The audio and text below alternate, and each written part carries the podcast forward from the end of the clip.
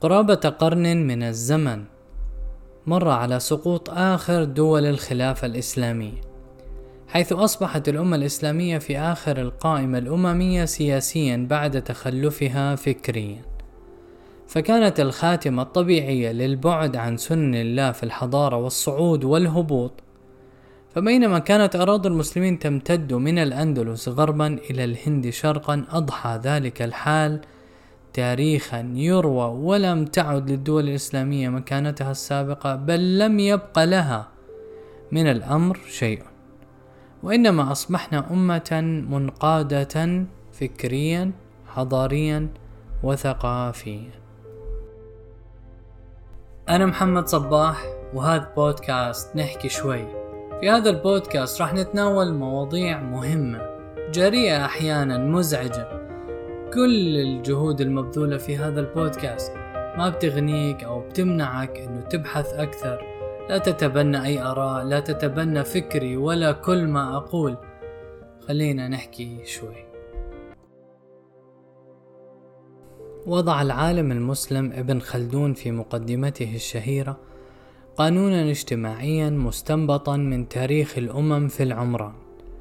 حيث اعتبر أن الأمة المهزومة تقلد وتتبع الأمة الغالبة التي هزمتها أو احتلتها وعلل ذلك بقوله والسبب في ذلك أن النفس أبدا تعتقد الكمال في من غلبها وانقادت إليه إما لنظره بالكمال بما وقر عندها من تعظيمه أو لما تغالط به من أن انقيادها ليس لغلب طبيعي.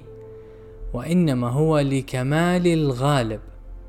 فالسبب في تلك الانهزامية النفسية والاقتداء بالأمة الغالبة هو ظن المغلوب أن الكمال مع الغالب وهذا لشديد الأسف ما نراه في أحوال الأمة الإسلامية التي لم تسلم من تحقق ذلك القانون السنني والمجتمعي فيها.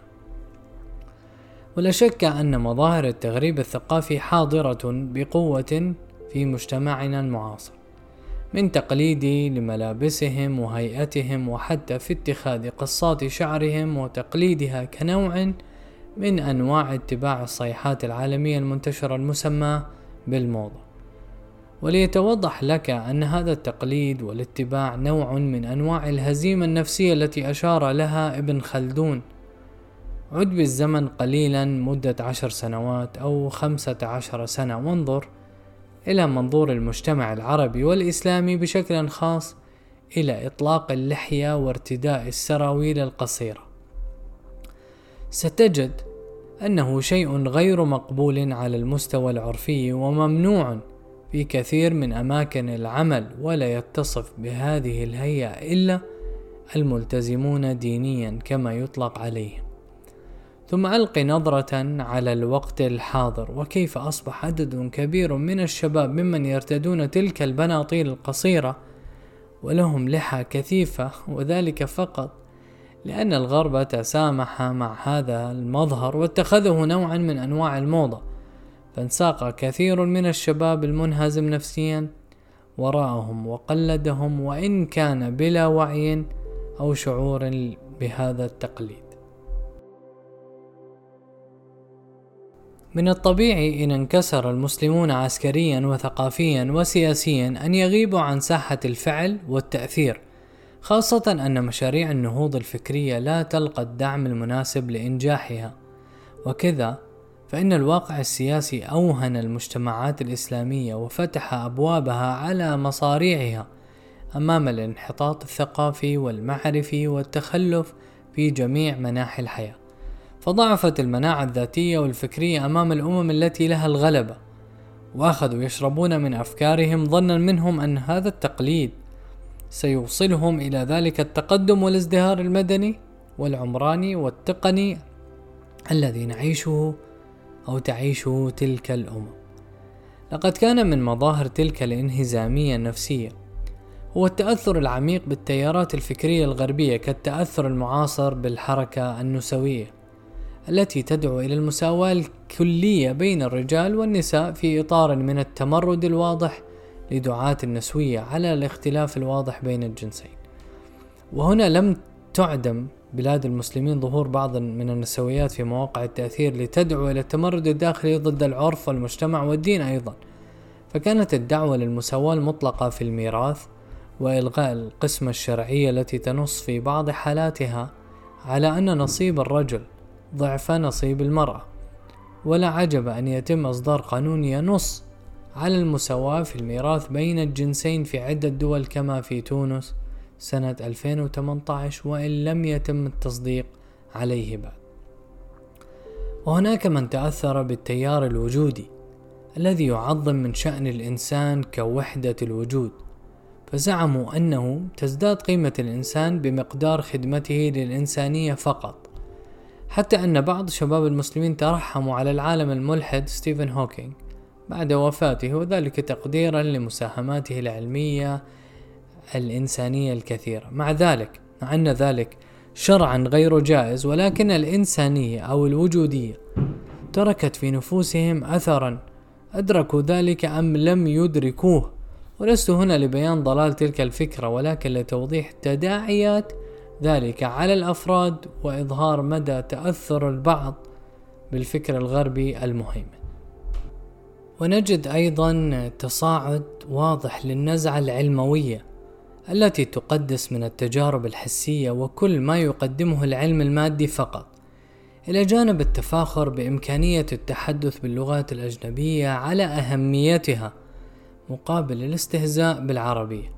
حيث أنه من المفترض أن تكون تلك اللغات مجرد آلة أو أداة يستعان بها على تحصيل العلم ولكن الوضع تغير وأصبح تعلمها غاية في حد ذاتها لما له من آثار في إظهار حالة معينة لأصحابه.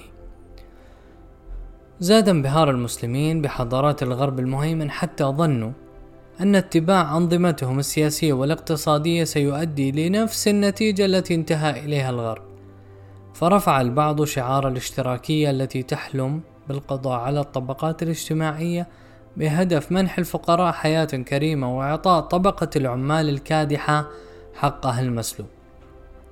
ورأى البعض الآخر أن العلمانية حل لدولة متقدمة متحضرة يتساوى فيها كل الأفراد ويحكمها قانون مدني يفصل الدين عن إدارة وسياسة البلاد.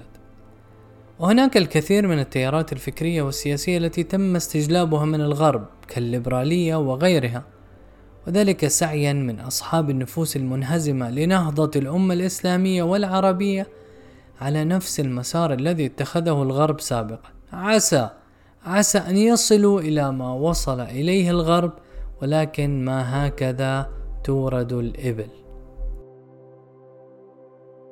إذا أزعجتك مرارة القهوة فما عليك إلا أن تضيف عليها القليل من السكر. وهكذا الأفكار المرة. تحتاج إلى القليل من الإضافات أو السكر ليتقبلها المجتمع. هكذا سعى المنظرون لتطويع الإسلام بما يناسب أفكارهم ومنطلقاتهم التي اكتسبوها.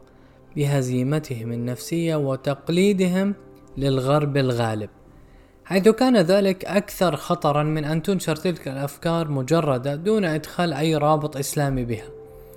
فالفكرة المجردة يمكن تبيين ضلالها إذا ما قورنت ووزنت بميزان الشرع. أما إذا ما خلطتها أو شرعنتها بالدين فذلك تلبيس لكل أهل هذا الدين وإضلال لهم.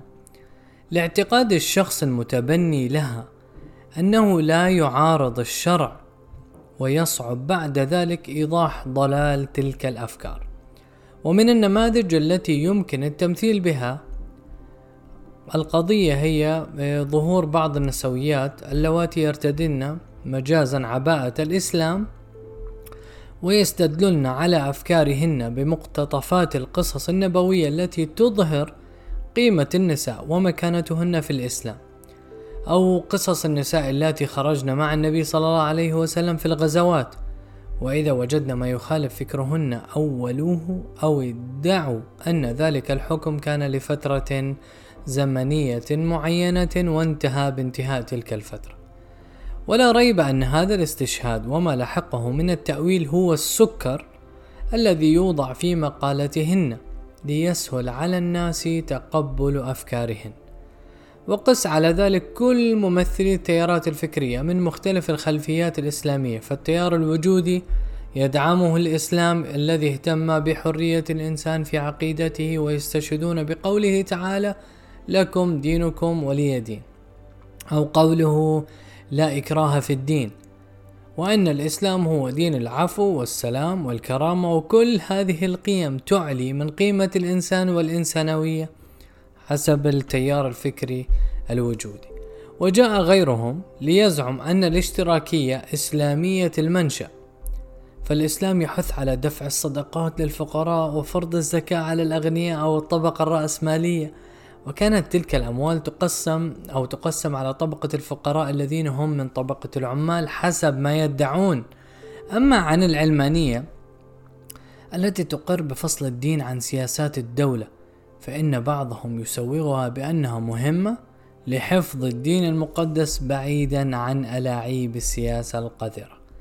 وهكذا يستمر بعض متبني هذه الأفكار في إضافة القليل من السكر لإيجاد قبول لها في أوساط المجتمعات الإسلامية. من الضروري الاعتقاد بأن الإسلام دين متبوع وليس تابعا لغيره من الأفكار.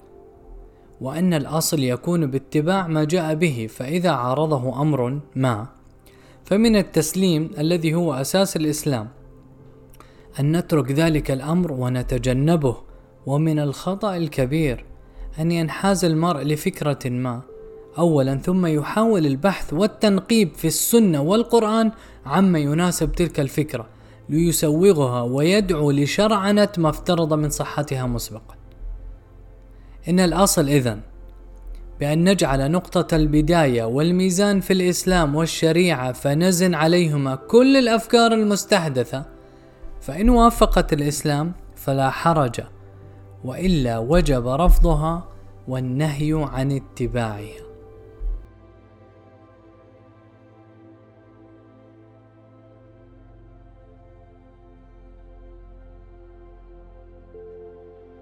ومن البديهي هنا أن نسأل بعض الأسئلة مثلا كيف تنهض أمتنا دون الاستعانة بعلوم الغرب الحديثة؟ وما المقدار الذي يكفينا من تلك العلوم دون أن ينعكس بالسلب على أمتنا؟ جاوبت على هذا السؤال في البودكاست السابق ولكن الحقيقة أني لست هنا لأسرد لك خطة خمسينية تستطيع بها الأمة أن تعود لمجدها السابق ولكن يمكنني أن أشير لك على فترة زمنية مر فيها المسلمون بما مررنا به الآن من ضعف وتشتت ولكن قاموا وأقاموا الدنيا عمارة وحضارة دون التخلي عن مبادئهم الأولى وتمسكوا بمعتقداتهم التي تعلموها على يد خير معلمي الناس الهدى محمد صلى الله عليه وسلم. وأقتبس هنا من كلام الأستاذ محمد قطب رحمة الله عليه. لقد كان المسلمون في نشأتهم الأولى في طور من البداوة. لا يملكون شيئا مما يملكه المتحضرون من حولهم من أسباب الحضارة المادية أو من العلوم. وكان لزاما عليهم إذا أرادوا الحضارة المادية والعلم أن يأخذوا أسبابها من الدولتين العريقتين عن يمين وشمال فارس والروم. وقد صنعوا ذلك بالفعل ولكنهم لم يحنوا رؤوسهم ابدا ولم يشعروا بالانبهار وكانوا هم الأعلين لأنهم كانوا هم المؤمنين. وهنا يتضح الفارق بين أمة منهزمة نفسيا تبحث عما ينتشلها من التيه ولو كان في جحر الضب وأعينها مذهولة منبهرة بالغرب المهيمن.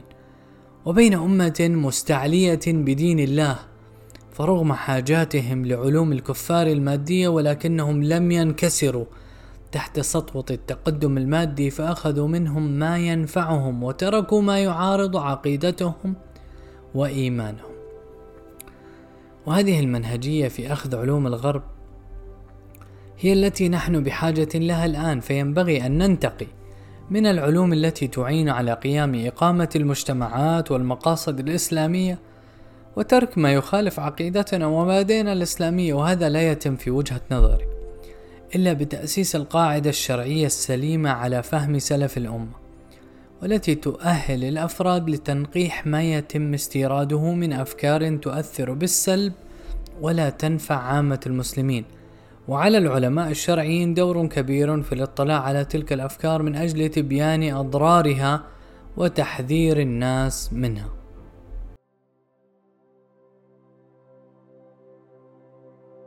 وفي الختام فإني أؤكد على ضرورة الاعتزاز والاستعلاء بدين الله. وبدلا من البحث عن أسباب التقدم المادي في ظل السلطة الغربية المادية والثقافة المهيمنة فإنه ينبغي علينا أولا أن نرجع إلى الوراء قليلا لنتلقى العلم بمنظور ومنهجية سلفنا الصالح الذين عمروا الأرض وأقاموا الدين والدنيا بلا تعارض فقد علموا أنهم على حق وأن ما يوحى إليهم هو النظام الإلهي الذي له العزة وليس لأنظمة الأمم المهيمنة فلم ينكسروا أمام سطوة الأقوياء ولم ينساقوا خلف أفكارهم ولم يهنوا ولم يحزنوا لأنهم كانوا هم المؤمنون.